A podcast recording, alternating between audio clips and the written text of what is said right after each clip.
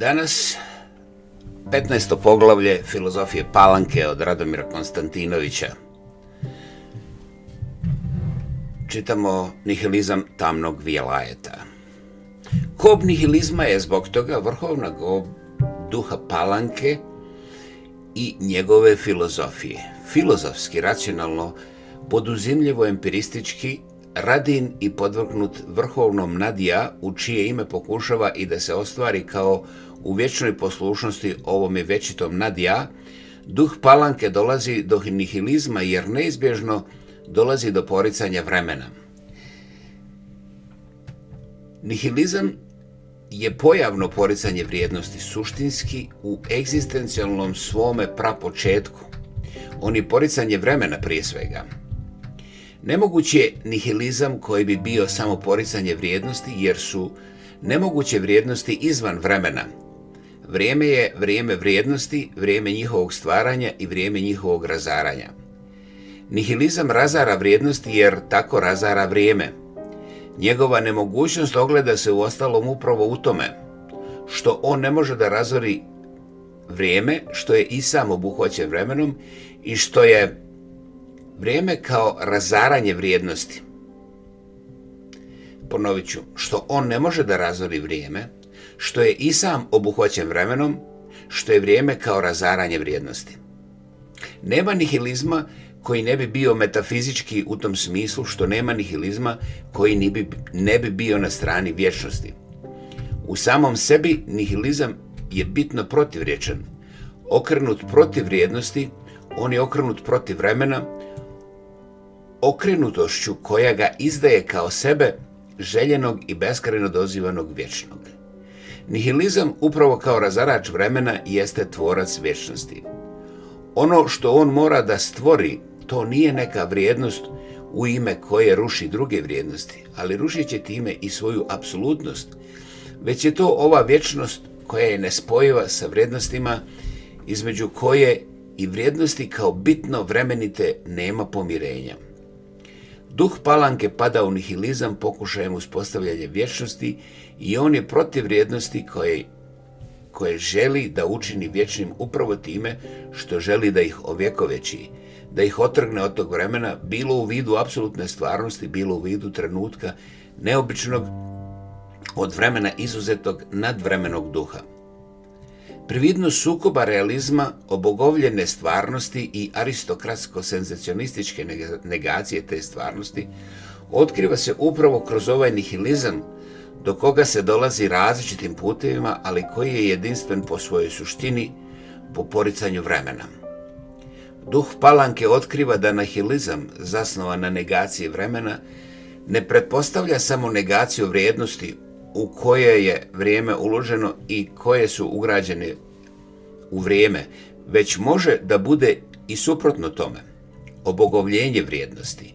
Ako je vrijednost prevashodno vrijednost vremena, onda je nihilizam kao ovaj pokušaj negacije vremena moguć i kao duh ljubavi, a ne samo kao duh mržnje. Ovaj nihilizam duha palanke zasnova zasnovan na vjer, vjernosti vrijednostima koje se suprostavljaju vremenu, pokušajem njihovog obogotvorenja i tako poništavaju jer se bacaju uništavilo ništavilo čak je izgleda i dublji i fatalniji od nihilizma čije negacije zbog toga što ne dolazi kao čin svjesnog htjenja, koje htjenje je ograničeno svješću, već je čin nehtjenja, koje svješću nije ograničeno i koje svijest ne može da ograniči jer ga protivrečno odupirući mu se čak i jedino stvara. Nihilizam iz ljubavi, vjernosti, ukoliko više želi vrijednost, utoliko joj je nevjerniji. Snaga njegova je u njegovoj protivriješnosti. On uništava vrijednosti svojom vjernošću koja ih obogovljuje i ovako baca uništavilo vješnosti. Moglo bi se reći da je ovaj nihilizam duha palanke jedan nihilizam pod maskom, ili paradoksalni neželjeni nihilizam u ime vrijednosti. On se izražava posredno i samim tim što je neželjen, a nužan, jer se poziva na vrijednosti kao vječne, pozivajući tako na vječnost nespojivu sa vrijednošću, vječnost koja razara vrijednosti. Ovaj nihilizam koji govori jezikom trezvenosti i odanosti svemu postignutom kao jedino stvarnom ili koji u samopobuni duha palanke govori jezikom senzacionalnog, neobičnog, vanobičnog života, uvijek razara vrijednost u ime nje same, odnosno u ime njene vječnosti.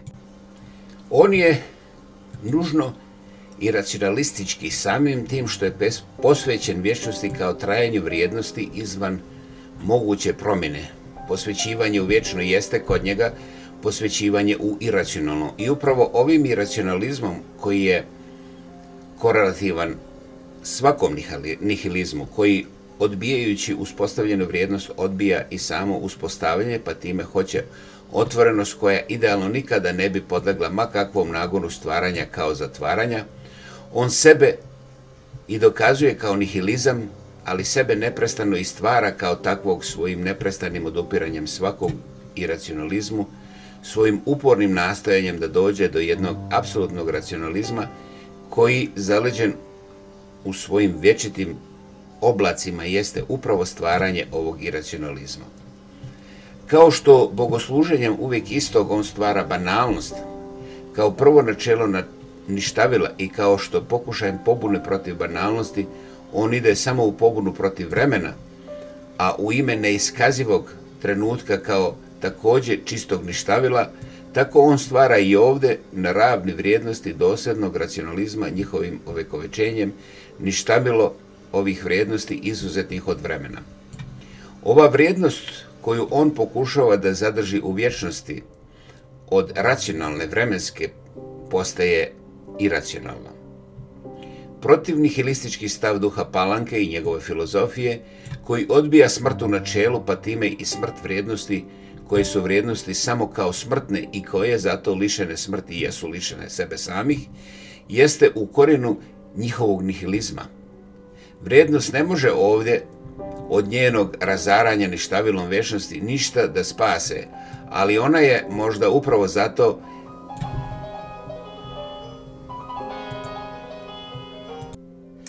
Dragi moji, oprostite zbog ovoga prekida. E, to je bio telefon, kao što ste prepoznali. Ja neću to čistiti i ponovit ću e, e, rečenicu. Vrijednost ne može ovdje od njenog razaranja ni štavilom vječnosti ništa da spase, ali ona je možda upravo zato jedina spasavajuća vrijednost koju treba spasavati. Ona nije vrijednost stvaranja, već vrijednost u spašavanju. Ona je data i kao takva mrtva jer, van, jer je van vremena konačna, a ne nastajuća vrijednost, jedna činjenica, a ne put ka njoj ništavilo tautološke činjenice. Otuda poziv na spasavanje vrijednosti, na vraćanje njima jeste stalno odbijanje istih vrijednosti, njihovim suprostavljanjem vremenu, ali i svijesti.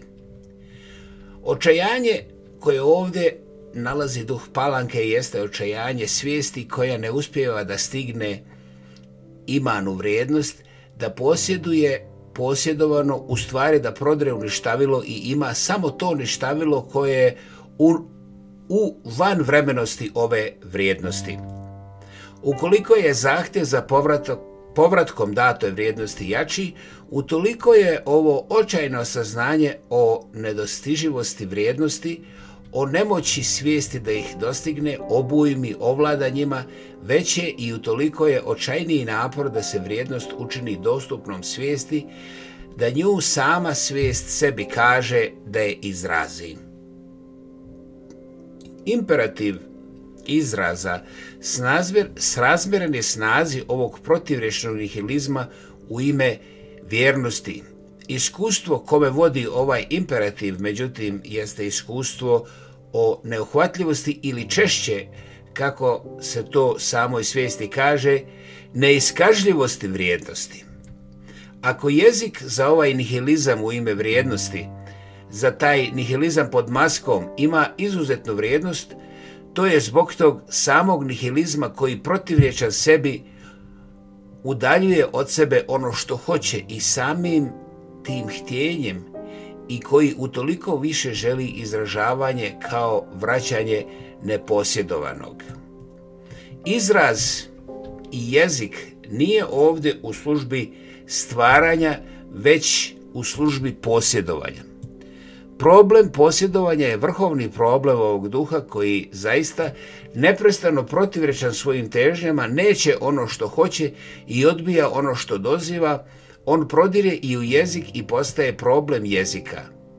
Jezik može da bude samo funkcija posjedovanja ili da uopšte ne bude, ali on koji podrazumijeva vrijeme i pokret od stvorenog ka nestvorenom, otkriva ovdje svoju nemoć da kaže stvoreno kao zatvoreno u njegovoj konačnosti, odnosno da vrati svijesti vrijednost upravljenu ništavilu vječnosti. Vrijednost ispada iz sfere jezika utoliko više ukoliko je dublje uronjena u ono vremenost, ukoliko je više zatvorena u odnosu na vrijeme. Opštenje sa njom je moguće samo putem iracionalnog jezika koji je prevashodno protiv jezički, a ako je ovdje jezik uvijek bitno ugrožen, on je ugrožen onako kako je ugroženo i samo vrijeme. Nema pobune protiv vremena koja ne bi bila pobuna protiv jezika. Ono što se odbija u jeziku, to je samo vrijeme, pokret jezika, duša njegova, koja je duša oticanja toka, Fiksacija na date vrijednosti jeste fiksacija na date oblika jezika, u stvari fiksacija na bitno protiv jezičku statičnost ovih oblika.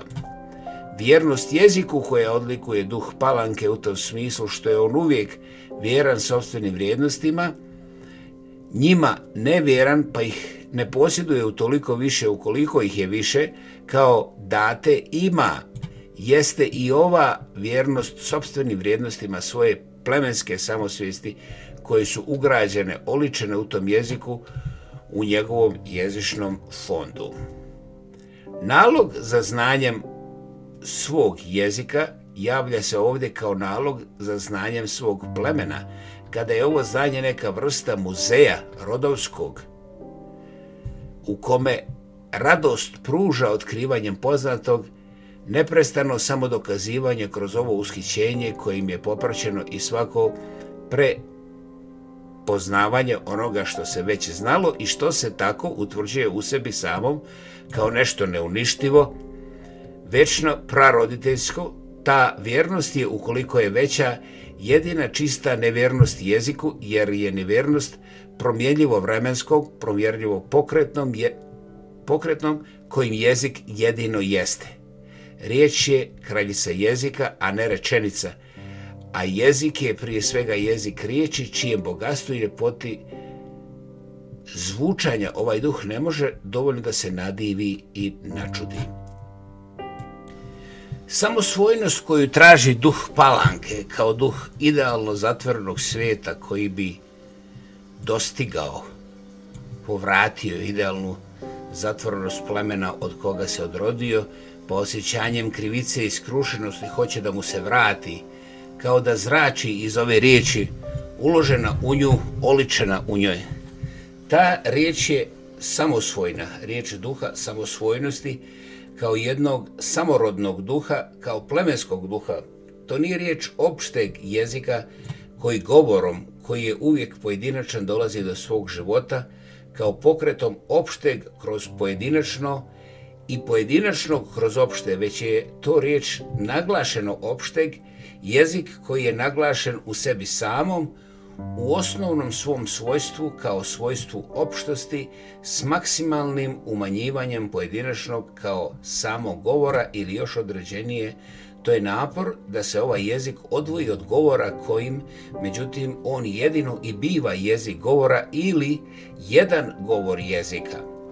Vjernost jeziku kao dijelu opštega plemenskog duha u tom smislu vodi obogovljenjem jezika, pokušajem njegovog obogovljenja, nihilističkom stavu prema jeziku jer pokušaju njegovog podvajanja odgovora kojim on jedino jeste.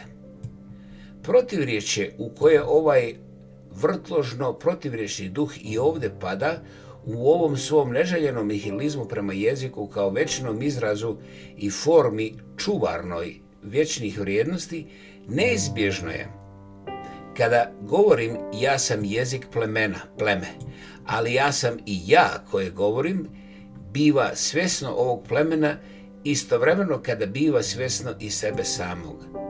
Nerazdvojivost jezika od govora kao opšteg od pojedinačnog u tome smislu što ne bi mogao postojati samo neki opšti jezik koji ne bi bio istovremeno i moj govor ili govor mene pomoću koga biva i što ne bi mogao postojati neki samo moj privatni jezik kojim bih se potpuno osamostalio i odvojio od plemena, jemstvo je duboke protivriječnosti duha palanke u njegovom stavu prema jeziku. Za njega je jezik svetinja, jer je on jezik mrtvih čija smrt pokušava da se porekne poricanjem vremena i smrti kao smrtno pojedinačno. On je samo pleme koje se ugradilo u njega i koje ako ne može da se čuje samo iz jezika, svakako njime najpotpunije progovara. Ali ova svetinja, duh plemena kojem Bogu služi duh palanke pokušavajući ovim bogosloženjem da mu se vrati, uvijek je ugrožena i tim više što je vjernost toj svetinji veća, jer govor kojim pokušava da se kaže, u stvari kazivanjem da se čuje duh plemena, istovremeno uvodi ovaj duh uvodi u ovaj duh i duh pojedinačnosti, a sa njime i svijest o razlici, zasnovane na razlici između jezika i govora u odnosu na samo pleme. Ukoliko, dakle, ja u vjernosti plemenu govorim plemenskim jezikom, da bi pleme progovorilo kroz, kroz mene, utoliko više kazujem sebe samome sebi i utoliko više bivom svjestan sebe kao otpadnika od plemena. Želja za samo potiranjem ovdje vodi očajanju zbog sobstvene izdaje, pošto je upoznavanje pojedinačnog ovdje utoliko veće ukoliko je neželjenije, ukoliko je željenije samo pleme. Zaveren trajnosti kao van vremenoj duh palanke zaveren je nepokretnom, ali nepokret trajno nesmrtnog upoznaje on samo kao ideal i to kao ideal koji ga posvećuje u toliko više pokretu kao nužno stvarnom što ga on više ne želi. Pokret koji ovdje upoznaje duh palanke jeste pokret jezika kao pokret između, idealno govoreći, plemenski vanvremenskog jezika i vanvremenski egzistencijalnog govora pojedinačnog ja. Stav duha palanke u ovoj protivrečnosti između plemenski opšteg i vremenski pojedinačnog uslovljava paradoksalnu nevjernost jeziku u ime apsolutne vjernosti njemu. Ukoliko se hoće jezik kao jezik plemena, jer se hoće samo pleme, a ne pojedinačnost, a jer se hoće preživljavanje plemena, a ne upoznavanje smrtno pojedinačnog, utoliko se neće govor kao govor pojedinačnog, ali samim time neće se ni jezik koji je neodvojiv od govora. Ovaj pokušaj da se jezik odvoji od govora, da se bude u jeziku bez posredstva govora pojedinačnosti, otkriva se kao sama nemogućnost duha palanke i to ovome samom duhu čija svijest je zbog toga rđava svijest ili svijest rđave savjesti prema plemenu.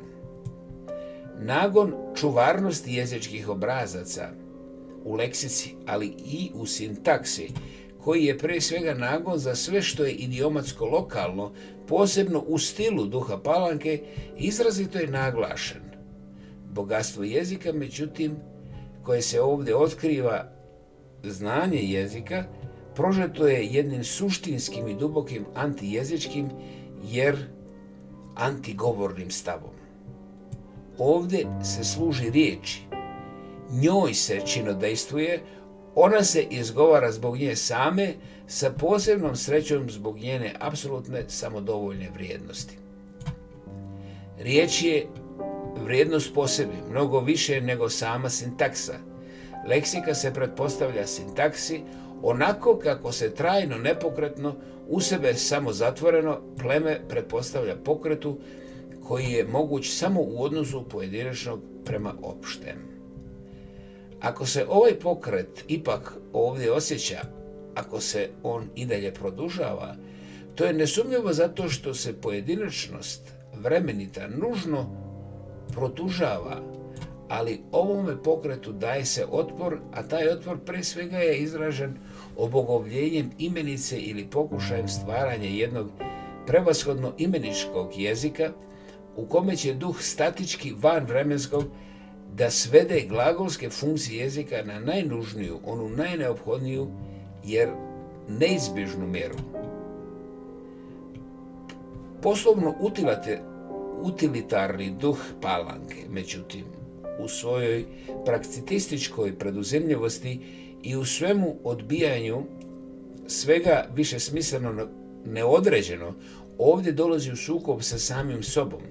Ako on u vjernosti večno plemenskom kao trajno nepokretnom traži statički jezik, statično van istorijskog svijeta, koji se našao izvan putanje istorije i koju nikad neće dostići i zahvatiti historijski preobražaj, on je po imperativu svog primitivnog racionalizma i doslovno dnevnog empirizma u duhu djelatnosti dostižnu smislenom svijetu, osuđen na krajnju glagolsku preciznost kao na krajnju preciznost glagolske radnje i glagolskih odnosa.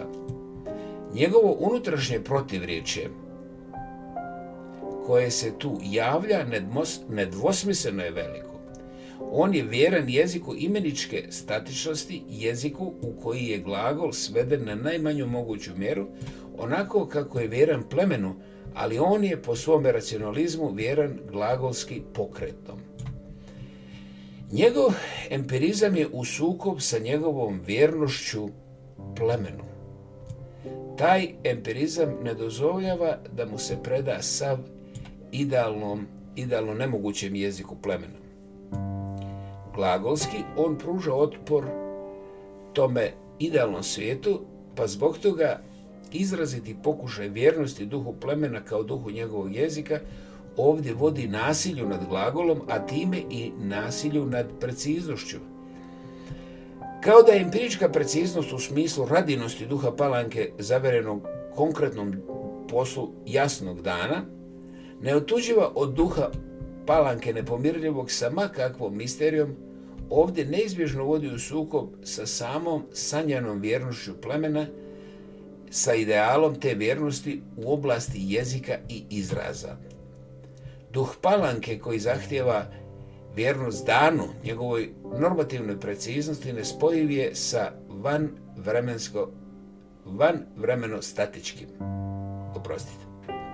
On upravo u toj željenoj van vremenu statičkoj oblasti kroz jezik otkriva i racionalnost jer je tako duboko osuđen svojim poslovnim racionalizmom na preciznost odnosa pa i na preciznost glagolske radnje ili glagolskog izraza te radnje, vjernost plemenu kao vjernost njegovom vječnom danu koji, količen u plemenskoj normi i jeziku plemena, nikad neće proći, pretvara se ovdje u neželjenu, ali nužnu vjernost noći iracionalnog koja se rađa upravo u ovoj statičnosti. tuda svaki do kraja izvedeni pokušaj ove vjernosti plemenu odlikuje se sukobom sa glagolskom preciznošću pa i čistim nasiljem nad glagolom koji se prečutkuje u najvećoj mogućoj mjeri, ali čime pleme iz dana pada u noć iz racionalizma svog krajnje racionalizovanog poredka u iracionalnost nepreciznosti koje je moguće samo u nepokretu jer je preciznost uvijek samo preciznost pokreta i preciznost vremena. Kao da vrijeme koje traže u žrtvu glagolske preciznosti nagrađuje ovo odricanje bolno od preciznosti time što tone u noć, što postaje pleme noći, što se čak uranja sve dublje u jednu mističku sferu. Ako duh Palanke nalazi mistiku upravo tu, na liniji vjernosti plemenu, on je nalazi zbog toga što je nužno mora da odbija kao duh apsolutne preciznosti glagolsko vremensko pogredno značenje, ali i zato što on u svojoj vjernosti danu odbija inače svaki misticizam. Njegovo iskustvo plemena je najizrazitije njegovo posvećivanje u mistiku i to pre svega, ako ne isključivo na ravni jezičkoj.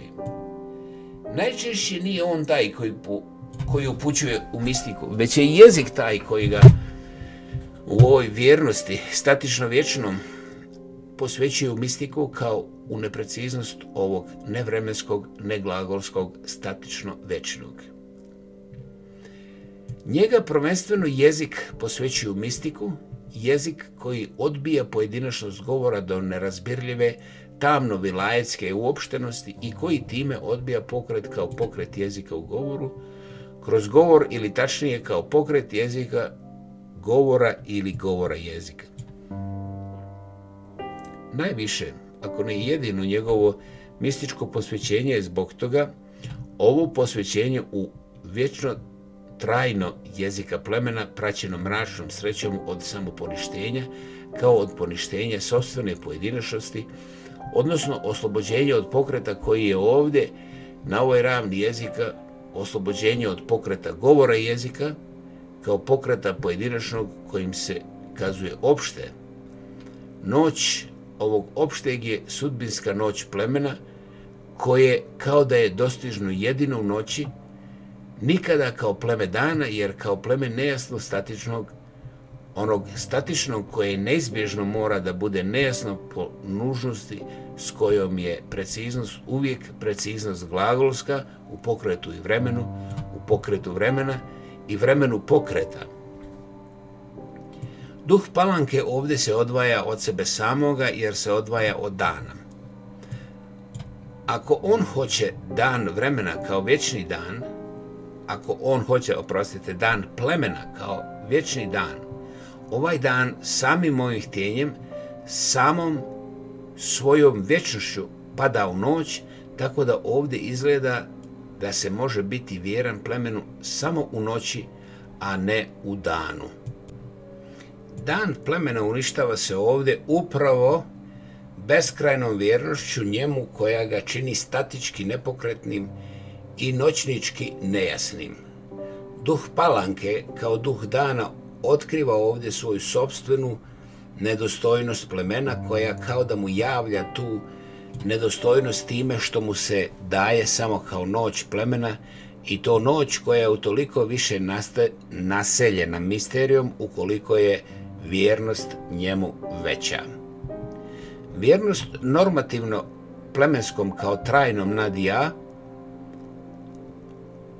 neprolaznog dana krajnje normativnosti ovdje neizbježno vodi samo poricanju dana, pa, ti, pa i same ove normativnosti. Pleme utonulo u noć nepreciznosti vječno statičkog i opšteg koje pokušava da se oslobodi od pojedinačnog, a u samom duhu pojedinačnosti jeste misteriozno pleme, a duh praroditeljskog postaje duh misterioznog koje umjesto da čuva praroditeljski upućuje u neizvjesnost misterioznog, u njegovu neizresivost i u to u tom smislu što se pleme kao željeni idealno zatvoreni svijet, nesvijet preobražava upravo ovom istom vjernošću njemu u jedan krajnji otvoreni jer iracionalni svijet misteriozno neodređenog. Tajanstvo koje ovdje progovara jeste tajanstvo nepokretno vječno kao apsolutno opšteg, koje je jedva da opšti sa pojedinačnošću kao što jezik opšteg ovdje jedva da opšti sa govorom pojedinačnog, ali i tako što je ova noć plemena u stvari noć značenja određenih odnosa ili noć pojedinačnosti koja sebe ima samo u nasilju nad samom sobom. To je tajanstvo jezika maksimalno moguće oslobođenog od govora zaustavljenog jezika, zaustavljenog van istorijskog plemena, u stvari zaustavljene pojedinačnosti koja uništavajući sebe stvara ovo pleme, ovo pleme jezika, misteriozno noćno pleme koje sve pretvara u zagonetnost i koje vodi metafizičkom nemiru. Ovaj metafizički nemir je nemir od plemena u noći koje jedino može biti u noći. On je nemir tamnog vilajeta koji je taman jer je nerazrešen i nerazrešljiv jer je statičan. Ako se ovdje javlja misa osuđena u duhu palanke na zaključak i njegovu sudbinu, na formu aksiomatsku i aforističku izvan samog procesa mišljenja, tu ima misli jer nema mišljenja, jer ima jer je nema pokreta i ima je jer nema pokreta. Oprostite. To je i dalje misao o misli i to sasvim vjerno duhu palanke misao o nemoćnoj misli, ali u unutrašnjem iskustvu ove nemoći misao koja je na neki način iskustveno upoznavanje svoje nemoći i predavanje toj nemoći s onom istom nužnošću s kojom je ovdje nužno predavanje noći plemena. Pleme zatvoreno u noć onako kako je zatvoreno u svoju izvanvremensku nepokretnost i nepreciznost te, nepreciznost te nepokretnosti, odbija misao, ali ono jeste ovdje upravo tim odbijanjem misli o njoj, u njoj samoj, onako kako jeste na ravni jezika na kojoj jedino uspjeva da progovara, ali ne dajući se kao dan, već jedino kao noć, tako da ono nije odbijena misao, već je odbijanje misli, a što ne znači ništa drugo nego da ono traženo u njegovoj van mislenoj nepokretnosti, vječnosti, van istoričnosti, u tom smislu što bi njegov posvećeni duh bio duh posvećene norme, mišljenja ugrađenog u zakon, vodi mišljenju da bi moglo da bude ovo odbijanje mišljenja onako kako upućuje otvorenosti misterioznog i mistički noćnog upravo vjernošću njegovoj apsolutnoj zatvorenosti. I mišljenje u ovom iskustvu, unutrašnjem, sobstvene nemoći, nedostižnosti i racionalnosti, otvorenosti delo su idealno zatvorenog, odnosno neka vrsta živog izraza ili živog oblika njegove idealnosti, odnosno nemogućnosti. Mišljenje koje se ovdje pretvara u doživljaj nemoći misli nemoći misli i iracionalnom plemen, iracionalizam plemena u noći jesu čisti izraz egzistencijalan nemogućnosti vječnog u sebe zatvorenog dana plemena. Iracionalno otvoreno i iracionalno mističko u smislu ove nemoći mišljenja ili nedostižnosti misli, na taj način jesu živa sudbina idealno zatvorenog, van vremenog, u kome duh palanke kao duh koji teži prije svega u ovoj izuzetnoj zatvornosti, kao svojoj konačnoj izuzetnosti iz vremena i istorije, otkriva svoju nemogućnost kao nemogućnost za pleme, za dan plemena. Dan duha palanke je empirijsko-racionalistički dan. On je dan izvan plemena. Bez njega pa čak i u samoj njegovoj svijesti je i izdajnički kroz patnje zbog toga protiv njega, onako kako je empirijski racionalizam onaj koji zatvara, ali koji ne može da posjeduje zatvoreno, jer ne može da posjeduje večno kojega kao iracionalno razara u njemu samom, isključujući se sam sobom iz ovog večnog i sam sobom njemu se suprostavajući uvijek kriv pred njim i uvijek njemu dužan. Krivica je u preciznosti racionalizma, u preciznosti jezika kojim živi i dela taj racionalizam, a dugovanje plemenu je dugovanje vječnom od ove racionalizovane misli koja mu samim tim što je racionalizovana i što ostaje izvan njega uvijek ostaje dužna. Sukob u koji tu pada duh palanke je sukob njegovog racionalizma i njegove vjernosti večno zatvorenom, nepomirljivom sa ovim racionalizmom. Pleme kao da neće duh palanke i kao da ga odbija povlačeći se u noć svoje iracionalne jer statične vjernosti, pleme koje kao da je pleme ništavila, pleme koje nalazi svoje ništavilo upravo tražeći kroz duh palanke svoju vječnost.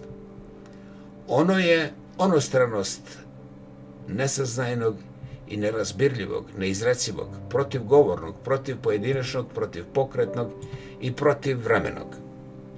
Ono poziva na žrtvovanje misanosti, preduzimljivosti, najzad i čula vida, a pre svega čula stvarnosti, u prvom redu poziva na žrtvovanje zdravorazumske trezvenosti duha palanke. Palanka je dan, pleme je noć, kao nemogući vječni dan. Palanka je dan apsolutne stvarnosti smisleno dostižnog, realističnog, preglednog i jasnog, sveuvidnog, pleme je noć stvarnosti, trezvenosti, izrecivo dostižnog, čista i racionalnost kao čisto ništavilo. Ono je poziv na odricanje od stvarnosti koja ga upravo i traži, koja se izgrađuje u traženju njega, ali koja ga gubi tražeći ga onako kao što ga tražeći njegovu apsolutnu jedinstvenost, kao zatvorenost u njoj, kao spasenost od vremena istorije, u pokušaju zaborava istorije koja ga je zaboravila sve više gura u onostranost. Praroditeljsko se od jemstva sigurnosti pretvara u jemstvo nesigurnosti, od jemstva izvjesnosti u tamne izvore najtamnije neizvjesnosti. Vjernost plemenu koje stremi duh palanke, stremeće zatvorenosti onoga što je što izuzetno iz istorije preživljavajući traje zahtjeva od duha palanke, nevjernost samom duhu palanke, na koji način duh palanke otkriva najdublje svoju nemogućnost da sebe ostvaruje samim, da sebe ostvaruje svojim samoponištenjem, onako kao što otkriva da je njegova vjernost vječnom danu vječnog plemena, vjernost njegovoj noći, da poziv na vječni život u vječnom danu plemena znači poziv neželjenoj njegovoj noći ili da vjernost vječno stvarnom plemenu znači nehatnu vjernost njegovoj onostranosti, da se on stvara tu onostranost i stvarajući je da pleme sve više gura u tamni vilajet, kao da vilajet plemena ne može da bude nikada ništa drugo nego tamni vilajet ispunjen vizijama koje rađa strah, i rđava savjest otpadnika od plemena, onih koji su ga utoliko nedostojniji ukoliko ga više, više žele. Neizrecivo pleme bačeno uništavilo svojim ovekovećenjem jeste vanistoijsko, metafizičko i mističko pleme ništavila, a ne samo mrtvo pleme. Ono je ništavilo jer je božansko, božanski vječno i božanski nepokretno, jedino mračno i nesagledljivo nadija koje poziva na odricanje od pojedinačnosti, od pokreta, kao pokreta pojedinačnosti prema opšteg i opšteg prema njoj pojedinačnosti, ali koje poziva i na odricanje od dana, od dnevne stvarnosti, od mišljenja, pa i od samog govora. Ono traži tako, iako utvrđeno u jeziku, odricanje od jezika, noć i čutanje, pretvarajući se kao noć, kao čutanje, u sami svijet upravo tom onostranošću svojom koji je za duh palanke kao duh kategoriškog ne svijetu, kao duh ne svijeta, prije svega ista neizrecivost u i nesrazmjere haotičnosti, jedan također tamni vilajet u kome odsustuje svaki red. Obogovljenje reda plemena vodi njegovom iracionalizovanju, pa tako i njegovom uništavanju, ovom preobražavanju van svjetskog plemena, ovostranog plemena u svjetsku onostranost. Najdublji doživlja svijeta na taj način, prevashodno mistički sa metafizičkim nemirom koji je snažan, iako nikad ne vodi artikulaciji pitanja, jer vodi noć plemena plemenu ništavila, paradoksalno duh palanke pronalazi upravo na svome putu prema plemenu u svome pokušaju bjekstva od svijeta. Možda bi se čak moglo reći da on nemogući za pleme i svojom nemogućnošću pretvarajući pleme u svijet, rastvarajući ga, dakle bacajući u svjetsku otvorenost, jedino i upoznaje svijet. Jedini svijet za koji može da zna duh palanke jest pleme u njegovoj onostranosti. Nalazeći svijet tamo gdje je tražio pleme, on nalazi svoju nemogućnost i moguć isključivo kao nemoguć, kao svijest o sobstvenoj nemogućnosti, on nalazi svoje najmrašnije ponore, najdublja očajanja i najviša poricanja.